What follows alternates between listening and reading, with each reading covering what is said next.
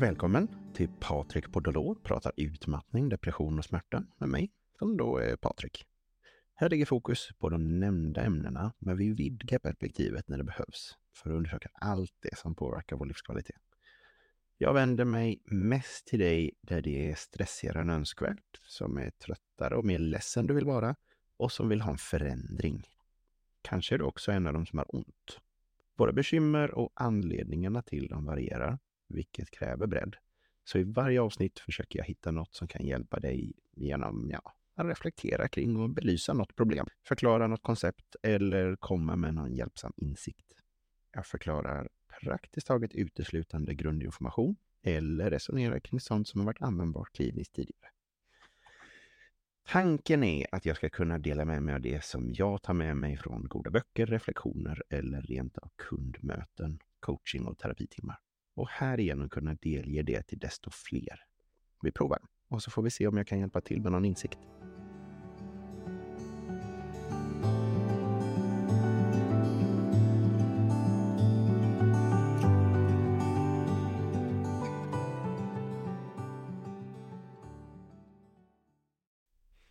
Varför får man depression? Och det här verkar vara en svårare fråga än varför vi besväras av utmattningssyndrom eller långvarig smärta. Vi vet fortfarande inte riktigt vad som orsakar depression tillräckligt bra för att vi ska kunna fastställa mekanismen och ja, men därigenom kunna behandla depression med en viss sak. Vi kan ofta se korrelationer mellan saker och ting för att ja, men härleda mer eller mindre ifrån vad någon blir deprimerad. Men det är inte exakt samma sak. Mekaniken eller fysiologin är fortfarande för knepig för att vi ska kunna svara på det på ett bra sätt. Neurotransmittorer och aktivitet i vissa delar av hjärnan, ja, det verkar vara en del av svaret. Men det är praktiskt taget svaret på allt som har med hjärnan att göra. Så det säger oss ingenting särskilt talande, tänker jag. Tillbaka till att älska och ifrågasätta varför. Det är inte bara mitt yrke. Det är lite av min hobby också. Lite av en livsstil om jag får säga det själv. Men att ifrågasätta varför här är inte bara underhållande. Det är ofta väldigt avgörande. Ser vi på meningen jag sa tidigare. Vi kan ofta se korrelationer mellan saker och ting för att härleda mer eller mindre från vad någon blir deprimerad men det är inte exakt samma sak, så är det ändå en nämnvärd del av svaret på varför där. Men lite bak och fram på något sätt. Svaret på varför vi blir deprimerade beror antagligen på vem du frågar. Om du frågar personer som är intresserade av hjärnan och väldigt små saker så är det troligare att de går på teorier om neurotransmittorer och så. Vissa beteendevetare ja, men, de tittar på beteenden såklart. De som är intresserade av livsstilar och ja, men de där bitarna, de tittar på hela populationer och hur de lever. Och det är inte så konstigt på, på något vis, utan så att ja, om man fokuserar på ett område så kommer man att se saker med det filtret. Om du just har köpt en ny bil så kommer du att jämföra bilar ett tag, utan du råkar vara intresserad av just det just nu om du är djupt involverad i något ämne och intresserad av det, mm, ja men väldigt mm, precis bara det, det är det du fokuserar hela livet på. Då är det det perspektivet du kommer att fokusera på. Ja men det, det är det perspektivet du har på livet och världen. Fördomar är inte så konstiga. De underlättar för hjärnan. Och människor är bra på och intresserade av olika saker. Så man ser saker på olika sätt. Men det påverkar inte riktigt varför vi blir deprimerade. Det påverkar bara svaret på varför vi blir det. Kanske är det mer komplext. Vi tittar på ett par teorier och börjar med den som man fortfarande i väldigt stor utsträckning går på och i stort verkar utgå ifrån när man behandlar med antidepressiva. Serotoninteorin. Och den tänker jag är lite sådär. För jag tänker att vi väl inte kan drabbas av depression så här. bara för att vi saknar piller? Eller ja, hur kommer det sig att fler piller skrivs ut samtidigt som människor lider mer och mer? Om det här nu skulle fungera drägligt. Det måste finnas något annat. Det finns många modeller för att förklara varför man drabbas av depression. Ibland behöver nivåerna av dopamin öka eller så kanske aktivitetsnivån är fel någonstans i hjärnan. Den mest kända är utan tvekan serotoninteorin. Eftersom selektiva serotoninåterupptagshämmare, SSRI, fungerar för vissa i vissa fall så måste ju depression, det måste bero på att vi saknar en del serotonin i den synaptiska klyftan. Eller hur? När det här är teorin så älskar jag att ifrågasätta varför. Varför i hela friden skulle vi sakna lite serotonin där? Och om det finns ett bra svar på varför, vilket jag aldrig har fått, är jag ändå nyfiken på om inte det är ganska mm, opraktiskt. Men vissa är ju, ja, det, patologier är ju det. Jag kan inte förvänta mig att någon slags patologi eller allmänt fel i hjärnan är praktiskt patologi tyder ju på, mm, ja men, tveklöst på till och med att någonting är trasigt och inte som det ska. Men är depression faktiskt någonting patologiskt? Eller är det snarare en funktion av något slag?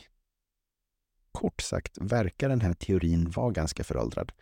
Den är egentligen inte längre tillräckligt effektiv. Det skulle vara bra om den funkade och om det var så här. För om det skulle vara spot on så skulle vi ju mer eller mindre vara klara med depression i och med att vi skriver ut så mycket SSRI nu jämfört med någonsin innan. Teorin som det hela grundar på, det började för en 50 år sedan eller sådär när vi, när vi råkade komma på någonting. Och vi använde mer eller mindre samma substanser då som nu, trots osäkerheten i deras förträfflighet. Så använder vi dem för att det är enkelt eller för att många andra gör det? Eh, är det för att vi har gjort det så länge och att det ibland fungerar? Eller är det för att vi saknar resurser för att ge varje deprimerad patient ett bättre alternativ? Och om barn, om barn kan få dem så är det väl inte särskilt farligt. Så då kan vi väl fortsätta att strössla med de här. I de fall det eh, faktiskt funkar med de här så har jag ingenting emot dem. Jag gillar det som funkar. Men det här är den vanligaste lösningen och det används allt som oftast. Och det verkar inte som att det fungerar för de flesta. Det här är i många fall den första och den sista behandlingsmetoden för att göra någonting åt depression för många som söker hjälp och det är inte den sista för att det fungerar, utan för att det är det du får. Biverkningarna av de här berättar att det uppenbarligen gör någonting. Vilka du får beror lite på vilken substans du får, men vanliga biverkningar är trötthet och ett ökat behov av sömn. Men ändå svårigheter att sova, illamående och kräkningar, vilket kan göra det besvärligt att dosera de här ganska, ja, men, som man borde. För kräks man så är det lite svårt att veta hur man ska dosera. Särskilt om man då inte vet om man kräktes upp sitt piller eller inte. Om du gjorde det så kommer du må dåligt för att du inte fick din dos och om du inte gjorde det men lägger till ytterligare ett piller så har du ökat din dos och mår dåligt för det istället. Och dåligt mådde du ju såklart redan innan för att du var deprimerad och så hade du ja, men, ätit ett läkemedel som gjorde att du mådde illa. Ehm, och så vidare. Eh, en konstant känsla av oro, stress, ångest och ja, men, rastlöshet. Eh, inte ovanligtvis med onormal svettning. Ehm, ångest som blir mer när man framförallt sätter in läkemedlet snarare än mindre det är inte jätteovanligt. Och det, ja, men, det kan komma med lite sådana här ångestgrejer som darrningar, yrsel och muntorrhet. Känslomässigt avtrubbad snarare än en ökad lycka är ganska vanligt. Och den här kan vara netto positiv såklart, men det är inte per definition en humörhöjare. Det är inte som att fästa till det och ta något riktigt kul, utan det, det drar snarare mot noll och neutral med de här läkemedlen, snarare än uppåt. Mer eller mindre hunger och ökad eller minskad vikt. Framför allt är det nog vanligt med ökad vikt på de här. En del praktiskt taget sväller upp och ökar fascinerande många kilon på bara några veckor. Sexuell dysfunktion. Väldigt vanligt. Bristande intresse eller oförmåga till orgasm. Ibland ingår även något av ett överdrivet lugn när man sätter in antidepressiva. Så att eh, en del får ökad ångest av att sätta in dem. En del får, ja men, det, det lägger locket på. Man lugnar sig och blir lite, ja mer stilla, men det skulle kunna närma sig apatisk. Det är lugna och att läkemedlen då ibland, mm, ja men, det börjar gärna med att hämma håglöshet och bristande initiativförmåga. Så lugn, fortsatt morbid och hatar det mesta. Men man är ändå på tårna där och blir lite mer aktiv. Skulle kunna öka risken för suicid. Så det brukar man vara ganska noga med när man sätter in de här läkemedlen. Men är det något härifrån som är bekant från Vad är depressionskapitlet? För hur många av biverkningarna här stämmer överens med symptomen på själva depression?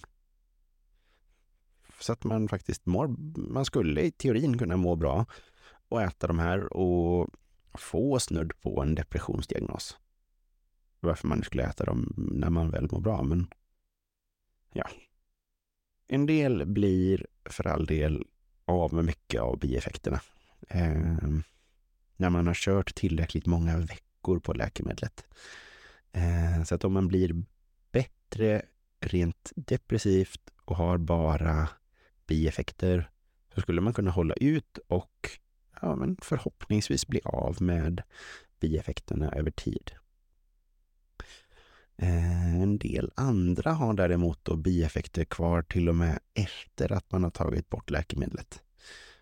Och det blir ju vanskligt. PSSD, Post SSRI Sexual Dysfunction, är en sån problematik. Eh, det är antagligen inte jättevanligt, men ja, väldigt vanskligt. Men har vi något motbevis här mot de här läkemedlen och den här teorin? Eller är det bara jag som viftar mot väderkvarnar och är tokig? Och jag forskar ju inte. Det får andra mer än gärna göra. Jag försöker hjälpa folk med saker som fungerar och jag har nog framför allt landat i min ställningspunkt här att men det verkar inte fungera särskilt klockrent att bara köra läkemedel. Men jag är inte riktigt ensam i mitt tyckande och tänkande heller. Det är inget jag har hittat på rakt av bara. Om vi tittar på vad Irving Kirsch eller något drog för slutsatser 2014 i Antidepressants and the Placebo Effect i Zeitschrift för psykologi. Och då 2014 visserligen. Eh, men jag, vi har ju använt de här läkemedlen ganska länge så att jag tänker att även redan 2014 så hade vi ganska mycket data. I det där så verkar det som att de flesta människorna skulle klara sig rätt så bra utan SSRI hur man nu ser på det. Eh, lite bättre källa originalcitatet, eller åtminstone på engelska, om det nu kanske var på tyska från början, finns på bloggen i, ja men, i, inlogg, i inlägget som hör till det här avsnittet. Eh, I sammanfattningen av studien så står det följande, även om det här nu då är översatt för att det ska vara lite lättare att lyssna på. Antidepressiva medel antas fungera genom att åtgärda en kemisk obalans, närmare bestämt en brist på serotonin i hjärnan. Deras förmodade effektivitet är faktiskt det främsta beviset för teorin om kemisk obalans. Men analyser av de publicerade uppgifterna och de opublicerade uppgifterna som läkemedelsföretagen dolt avslöjar att de flesta om inte alla, av fördelarna beror på placeboeffekten. Vissa antidepressiva medel ökar serotoninnivåerna. Vissa minskar dem och vissa har ingen effekt på serotonin alls. Trots detta uppvisar de alla samma terapeutiska nytta.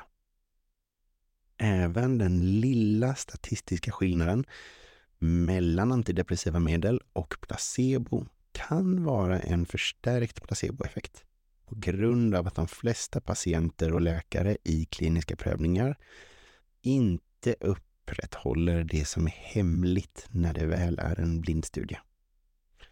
Serotoninteorin är så nära som någon teori i vetenskapens historia att den har bevisats vara felaktig. Istället för att bota depression kan populära antidepressiva medel framkalla en biologisk sårbarhet som gör människor mer benägna att bli deprimerade i framtiden.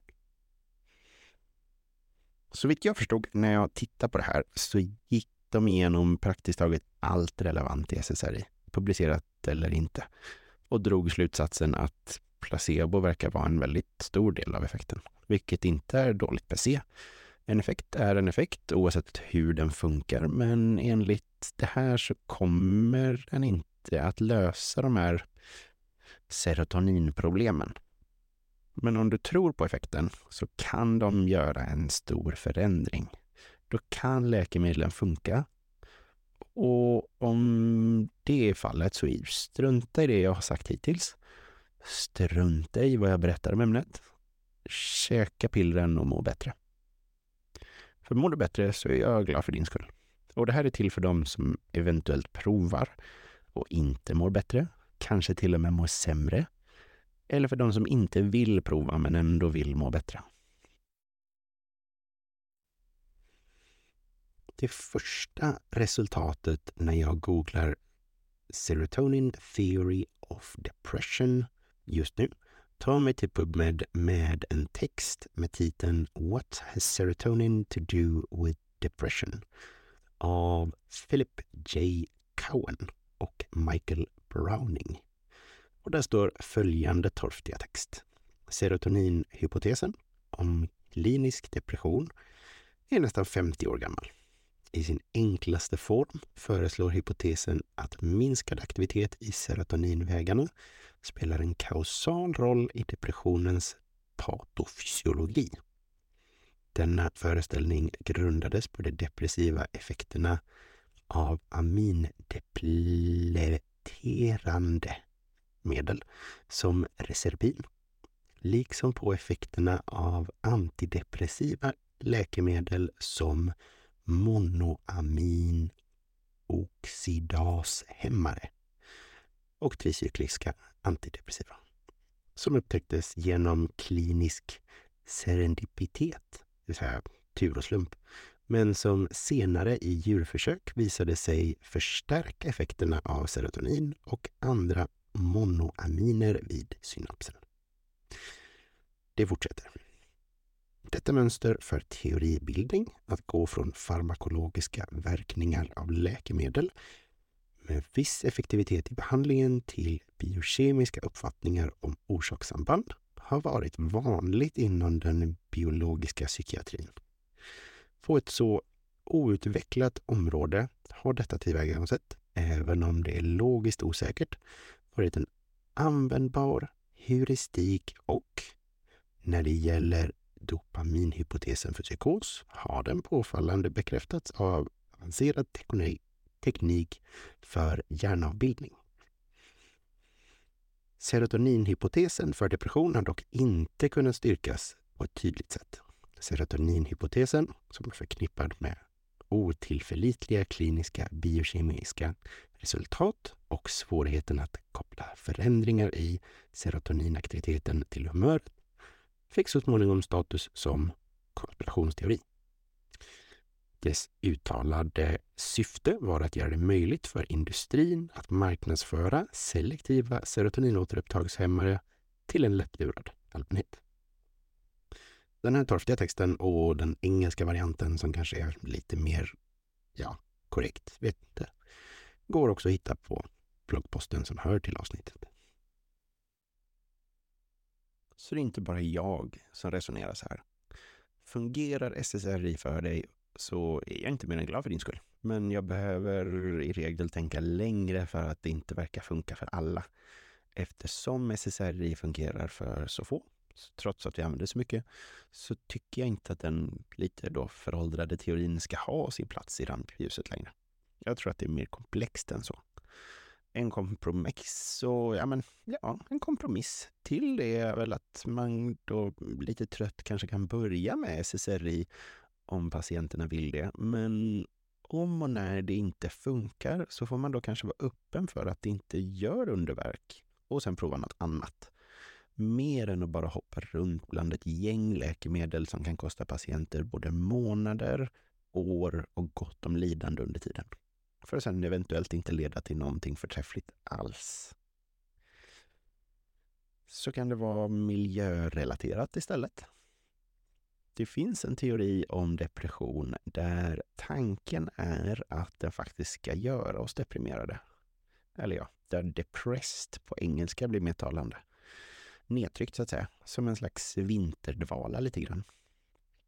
Poängen och planen är att få dig tillräckligt ja, men, nere för att du ska dra dig undan och hålla dig ifrån andra och det som inte riktigt verkar funka som det ska. Och vila. Och det var kanske inte nödvändigtvis helt galet. Om du befinner dig i en miljö som är tillräckligt bra för att du ska trivas så är du troligtvis inte deprimerad. Om du befinner dig i en olämplig miljö så blir du deprimerad. Då drar du dig tillbaka, flyr, vilar och ja, gömmer dig. Och jag skulle inte ha något emot att tro att det ligger något i det. För att ta det där med miljö steget längre och göra den här lilla snutten till teori och resonemang märkbart pålitlig så kanske det kan vara så att miljö behöver tittas på med det där biopsykosociala perspektivet. Då ingår det mesta som kan vara av intresse. Så att det inte bara tänker på miljö som aha, ett tjusigt hus eller en fin glänta i skogen. Hot, krig, förtryck, problematisk ekonomi mobbing, besvär och elände. Det finns även i fysiskt tjusiga miljöer. Ja, det vattnar ju min kvarn lite att eh, dra det till nästa steg och återigen komma till det bredare såklart. Så vi går ifrån den evigt återkommande tangenten och tittar vidare. Är svaret beteendemässigt och relaterat till ja, men, beteenden? Jordan B. Peterson, som jag tror är psykolog och bestämt tycker om det där med beteenden. Han använder hummer för att göra en poäng om hierarkier i sin bok 12 Rules for Life. Han försöker motbevisa poängen eller argumentet att hierarkier är sociala konstruktioner citat, eh, uppfunna för att låta vissa människor, till exempel vita män, ha makt över andra. Ehm, Ja, så tålamod och lugn och fin här, för hierarkier intresserar mig inte nämnvärt, så det är inte riktigt poängen här. Om du är nyfiken på källorna om de här humrarna och Peterson så översvämmar det internet också, så det är bara en Google-sökning bort om man är nyfiken på om jag har fått det här rätt. Men hur som helst så säger han att hierarkier i viss utsträckning är naturliga och bevisar det här genom att använda exemplet med humrar.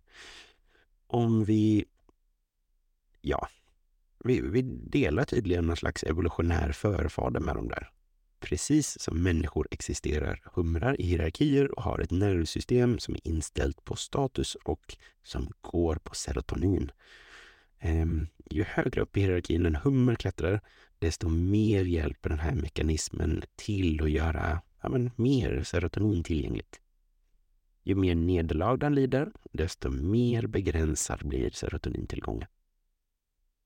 En lägre serotoninnivå är förknippad med mer negativa känslor här, vilket kanske gör det då svårare att klättra upp för den där stegen. Enligt Peterson så fungerar hierarkier hos människor på liknande sätt. Vi är kopplade till att leva i dem. Men den intressanta punkten för någon som inte då är intresserad av hierarkier, eh, ja, men det är att snarare forskningen i sig och beteendena och, resultaten vi ser hos humrarna. Eh, de fakta som ingår berättar att Serotonin är starkt kopplat till dominans och aggressivt socialt beteende hos nämnda djur. När fritt rörliga humrar får en injektion av serotonin så antar de en aggressiv hållning som liknar de hållningar som dominerande djur uppvisar när de närmar sig underordnade. Och frågan är då kanske, om man nu pratar så mycket om serotonin, ger det en poäng till antidepressiva läkemedel? Nödvändigtvis hoppas jag. För hela neurologiområdet är komplext och sannolikt och förhoppningsvis mer komplext hos människor än hos humrar eftersom de saknar hjärna och istället har ett agglomerat av nervändar som jag tänker inte är jätteintelligent. Men som sagt, jag vill skälla stjäla de små bitarna och hur de beter sig snarare än att komma tillbaka dit. Eh, så det här är min poäng. Två humrar börjar med samma mängd serotonin och så slåss de, för det är det humrar gör tydligen. Och så vinner den ena. Den får mer serotonin som gör honom självsäker, aggressiv och dominant, vilket gör att han mycket väl kan fortsätta vinna. Där har vi en positiv återkopplingsslinga eller vad man nu vill kalla det. Så att man får till på ett bra sätt, växer, får mer mat, damer och havsvatten. Den första där fortsätter att agera, kommer fortsätta försöka och anstränger sig. Vilket leder till att den kanske fortsätter att vinna. Och det är en ganska härlig positiv återkopplingsslinga jämfört med den som förlorar. Förloraren kommer att få mindre serotonin istället. Den blir blyg och liten, förtryckt och rädd till den grad att han ja, fortsätter att förlora. Man försöker lite halvhjärtat och det går rätt så dassigt. Fortfarande en ja, men, positiv återkopplingsslinga eller positiv feedback loop. Där definitionen är att den förstärker sig själv. Men istället för att det blir bättre och bättre så blir resultatet för hummen det blir att det blir mindre och mindre. Han kommer fortsätta att krympa och förakta livet. Spiralen kommer att ja, förstärka det negativa där istället för någonting positivt. Och det går fortfarande som en positiv och självförstärkande feedbackloop loop. Ehm, som ofta är en viktig del av depression. Så jag understryker det som bara den här, med den där. Det uttrycket har jag använt tolv gånger här kanske i rad, men det är för att det är så relevant i och vid depression. Man får till en sån där positiv feedback-loop. Och så blir det kanske ganska ofta en av misslyckande istället för en av framgång. Så att om man får till det som den första hummen hade så skulle man mycket väl där kanske kunna komma ifrån det hela. När man behandlar människor med kognitiv beteendeterapi så gör man, och jag, det är ofta genom att ändra beteenden som förhoppningsvis får ungefär den här effekten. Men då på det där positiva sättet. Så jag tror definitivt att det ligger något i det här.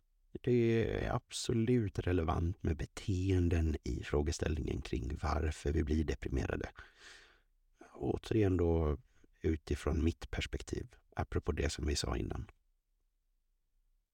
Man färgas väldigt av sitt perspektiv och ja, men det är så man ser världen på något vis. Inlärd hjälplöshet kan vara en del av det hela här och ja, men det går mm, hand i hand med de beteendemässiga delarna som vi pratar om. Och det känns som att det kanske är värt att nämna just uttrycket. Jag behöver inte ta upp det så mycket i detalj utan poängen är att du försökte och lärde dig att det är hopplöst. Oftast är det att man försöker om och om igen och får inget annat än nackdelar, stryk och negativa resultat. Vilket gör att man då blir mindre som den förlorade ja, hummer där som jag nämnde. Det blir en positiv återkopplingslinga där du misslyckas blir det mindre, försöker sämre, får sämre resultat och sen är det inget kul längre så det fortsätter där runt, runt, runt och går åt skogen. Ju fler gånger vi gör något, desto bättre blir vi på det och ju fler gånger vi repeterar någonting och får snarlika resultat, desto bättre lär vi oss det. Repetition är inlärningens moder och det, det är det som är poängen med den här inlärda hjälplösheten. Ju mer det händer, desto mer fortsätter det hända. om det inte finns en genomtänkt lösning och en ny väg som du aktivt försöker använda för att ändra resultatet. Beteenden funkar i regel på samma sätt. Gör något och så kommer du sannolikt att göra det mer och mer. Ju längre du fortsätter med beteenden, desto hårdare fastnar de. Och det blir svårare att ändra. Det kommer att fungera med tankemönster av depression, ångest och allt du gör för att hamna där också. Kan svaret vara relaterat till kemi och fysiologi? Vi är komplexa varelser, så vi kan påverkas av otroligt många variabler och mår därefter. För att vi ska fungera hyggligt nog för att överleva så måste fascinerande många mekanismer fungera i harmoni på något vis. De måste fungera ännu bättre för att vi ska fungera idealt och gött och må riktigt härligt. Och det bevisas när vi får en liten brist i vår arvsmassa och blir helt deformerade eller handikappade. Celldelning börjar väldigt på låg nivå men celldelning då som går fel, det kan ge oss cancer som kan döda oss som inte immunförsvaret eller för all del modern medicin räddar oss innan det är för sent. Det pågår en enorm mängd kemi och funktioner, eller då fysiologi som det heter, inuti oss. En sak påverkar en annan och ett gäng av dem tillsammans håller ett system igång så att det fungerar som det ska. Sen finns det ett bra gäng system där det händer, ja men, det händer att ett enstaka vacklar för att vi ska stryka med helt. Och så är det ju i regel. Det är någonstans som är den svagaste länken i kedjan och det är då vi går vidare. Så sett till hur mycket det här är ja, men som ska funka absolut bra nog för att vi ska helst överleva och må riktigt bra. Sett till det så är det ganska häpnadsväckande att vi har den medelåldern som vi har. För att allt ska funka bra nog så behöver vi input från gott om grejer. Näring för att börja med något väldigt uppenbart.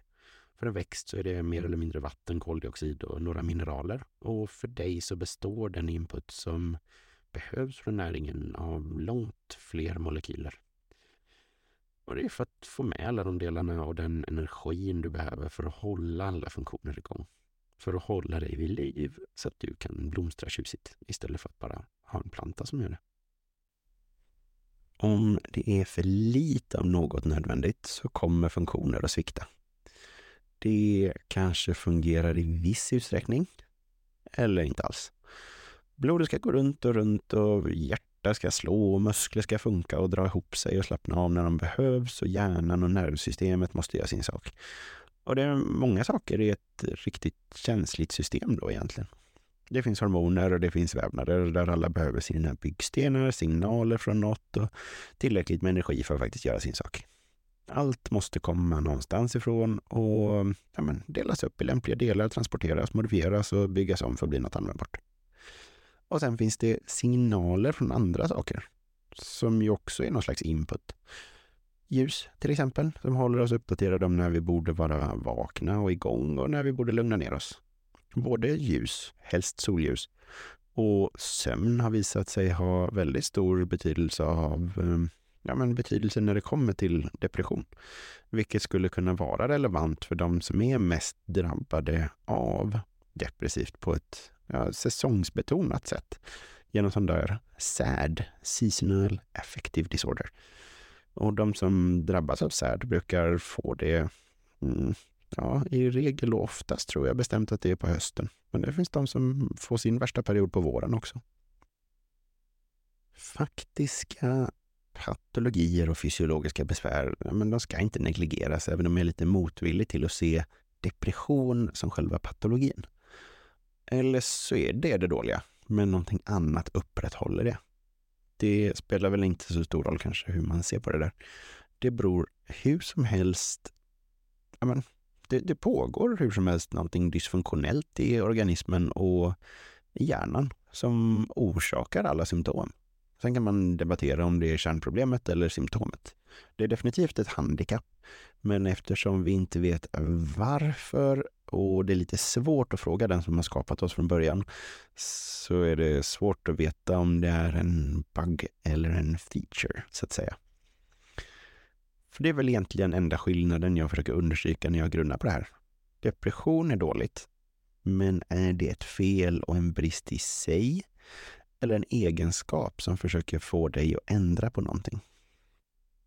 Hormonella problem som hypotyreos kan orsaka depression. Med den funktionsstörningen så blir alla långsammare och närmare ja, men, typ den där vinterdvalan som jag nämnde. Eftersom gaspedalen, ämnesomsättningen, inte riktigt går igång tillräckligt mycket och gör inte riktigt sin grej. När så är fallet så verkar depression vara nära till hands. Samma sak gäller för premenstruella besvär för kvinnor där hormonerna helt går i spinn. Så hormonella saker är absolut fysiologi i sin renaste form och påverkar absolut de här bitarna. Så att, visst, kemi och fysiologi påverkar. Men är det då grundproblemet? Eller hur ska vi påverka sagda kemi och fysiologi? Andra faktorer som kan orsaka det här problemet det är ju stress och smärta över för lång tid. Det nämner jag ju jämt och hela tiden, tänker jag. Men det är av bra skäl. Det verkar funka rätt så klockrent varje gång. Utsätter man någon för tillräckligt mycket stress och smärta över tid så kommer det här eländet som ett brev på posten utifrån hur jag har hört att posten brukade funka. ADHD eller ADD kan öka risken för depression, absolut. Likväl kan det öka risken för utmattningsproblematik. Det som påverkar är kanske att det blir mindre vila och mer stimuli hela tiden. Så ADHD-spåret går hand i hand med både stress och genetik. Här har vi nog också satt fingret på... Ja, men här, här vet vi nog bestämt att det är belöningssystemet i hjärnan som fungerar annorlunda. Med Ja, så att vi har variationer i en del små, små delar där transmittorsubstanser ska fästa för att göra sin grej. De systemen verkar funka trögare och ja, belöna mindre än för andra människor, som man då kallar normala eller vad vi nu är. Om det här är så att säga ja, grundproblemet så är det väl då en anatomisk orsak till depression praktiskt taget. Och genetiken verkar kunna vara rätt så orättvis, apropå ADHD, som är väldigt genetisk. Men det gäller också rakt av depressivt. Dels påverkas kvinnor mer och dels så är det märkbart mer sannolikt att man får en ny depressiv episod framöver om man redan haft den. Det kan kanske tyda både på att man har en genetisk predisposition för att få depression eller att man kanske då har lärt sig funktionen på något vis. Åter till beteenden som man gör om och om igen. Jag är inte säker på om vi vet tillräckligt mycket om vilken av dem det är, men det genetiska går antagligen att se ganska väl om man tittar på föräldrar som besvärats av depressivt och så ser man på hur barnen mår. Bipolaritet är antagligen ännu tydligare på det genetiska planet än den med ja, med den mer typiska depressionen. Genetiken kommer vi tyvärr inte ifrån, även om det går då att förhålla sig till sin verklighet som man har mitt framför näsan. Och så får man göra så gott man kan med det man har, snarare än att utgå från någon annans förutsättningar. Så att det blir ändå relevant att ha ett hum om den där genetiken. Medicinering, för mycket alkohol eller användning av fel sorts droger på fel sätt är ett annat sätt eh, att skapa någon slags depression. Det verkar kunna öka risken avsevärt med fel grejer. Vissa nämner kosten som en faktor. Om kosten orsakar inflammation är det inte nödvändigtvis en hemsk tanke, för jag tror att det är där man verkar ha dragit paralleller väldigt mycket om det är inflammations någonting, någonting så är det det framför allt som ger en parallell och ett problem med kopplingen kost och depression. Jag vet att man har sett rimliga paralleller mellan omega-3-intag och depression. Och då är det tacksamt med ett högt intag som man brukar tycka är antiinflammatoriskt mer eller mindre. Gluten är en sak som vissa pekar på och vissa pekar förstås på det intaget och skyller alla sjukdomar och problem i livet på just gluten. När det är fallet så låter det antagligen mindre tillförlitligt. Men eh, vissa är ju extremt känsliga, faktiskt allergiska mot gluten. Och i deras fall så är det helt rationellt att hålla sig långt borta. För annars så hamnar man i samma problem så att man får en massa inflammation. Och om det är lätt att undvika och du tycker att det är värt ett försök för att kryssa i ytterligare en kanske-box med hur man skulle kunna åtgärda saker och ting så är det väl kanske ja, värt ett försök att undvika gluten. Andra kostrelaterade saker, om man nu då vill gå på en inflammationsteori på något vis, skulle kunna vara socker, rött kött och saker som ökar insulinnivåerna mycket. För det verkar kunna vara det som är proinflammatoriskt. Jag skulle inte säga att det är här jag brukar lägga mitt fokus. Men jag har inget emot att titta på hela bilden, så jag kan absolut eh, tycka att visst, det kan man prova och greja med. Kan man tänka sig att sluta äta det som är genomgående skräp så är det antagligen inte en dålig grej. Men skräpmat är ju antagligen inte heller det hela om vi ser till hur väldigt många människor äter det. Då. Så varför då, återigen? Det verkar ju som att fler människor tyckte att det var värt besväret att leva för några år sedan. Kanske ganska många år sedan, så att det inte bara är fem. Men hur mycket vi skriver ut läkemedel, ja det ökar nog från år till år, eller i alla fall absolut årtionde efter årtionde. Men vi behöver inte backa särskilt mycket om man tittar på hur folk verkar må. Och jag kan såklart ha fel, men jag tror att folk led mindre av begreppet depression för en tid sedan. Det finns definitivt bevis för att depression har funnits, men jag tror att det var långt ifrån lika vanligt då som idag. När nu mm, då var. Så att, visst var det tio år sedan. Och jag tänker mig framför allt ett antal årtionden sedan. Eller kanske till och med ännu lite mer. Men jag tror inte det är en fråga om piller, för det skriver vi ut mer och mer. Och jag tror verkligen att det är något som verkar ha ökat med den moderna världen, det här problemet. Om det stämmer så borde det vara ett, ja, ett, någon slags fråga om livet på något vis. Människor och deras liv och alla deras aspekter är omfattande och komplexa. Livet är svårt, det är fullt av bekymmer, frågor, problem och krångel, men det finns lag, krig och ondska. Men många av oss verkar tycka att det är värt att leva ändå. Och vissa är till och med då provocerande nöjda.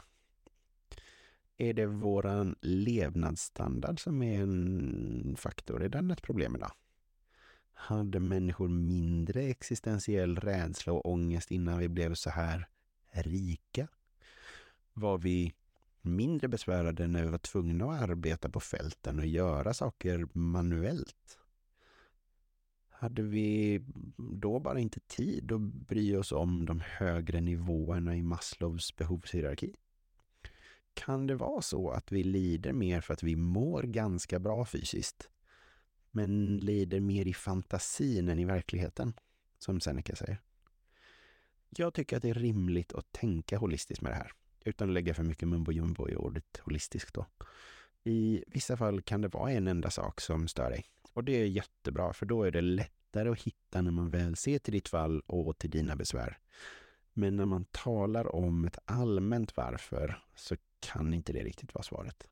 Du kanske blir mobbad eller hotad och det är skäl nog att vara deprimerad. Kanske är du sjuk på något sätt eller sörjer. Du behöver inte vara ja, nödvändigtvis deprimerad av tusen skäl, men det finns sannolikt tusen skäl att bli deprimerad. Och där är skillnaden. Jag tycker att det är rimligt att ha allt i åtanke för varje enskilt skäl kan vara orsak nog. Hur vi skapade och hur vi arbetar med anatomi och fysiologi i förhållande till våra vanor, beteenden och allt annat som kan vara relevant. Återigen med det där biopsykosociala perspektivet.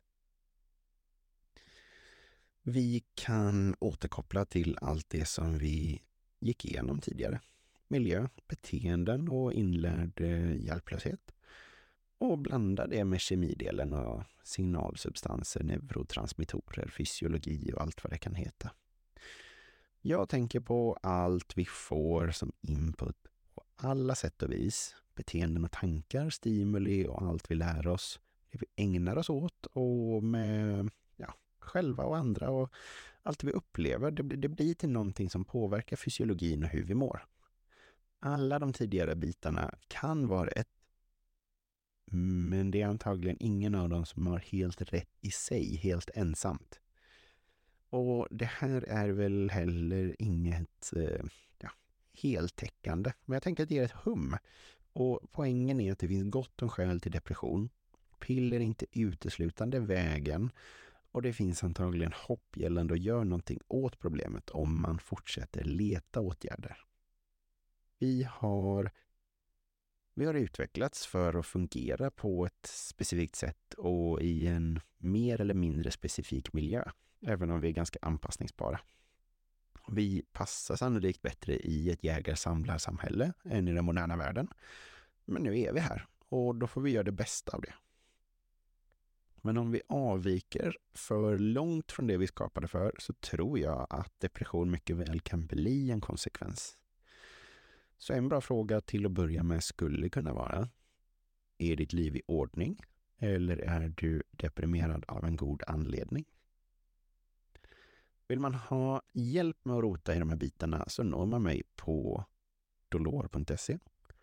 Och om du är nyfiken på att se över delar själv så finns det lite mer att titta i. Ja, men man klickar ner en bok och så kikar man i den. Eller så hörs vi nästa gång. Och så ser vi om vi kan lära oss något mer. Ha det bra!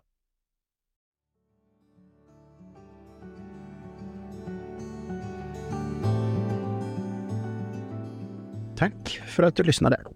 Om du gillade avsnittet så prenumerera gärna för att få dem som kommer härnäst och dela det med dina vänner som kan ha nytta av det jag pratat om här.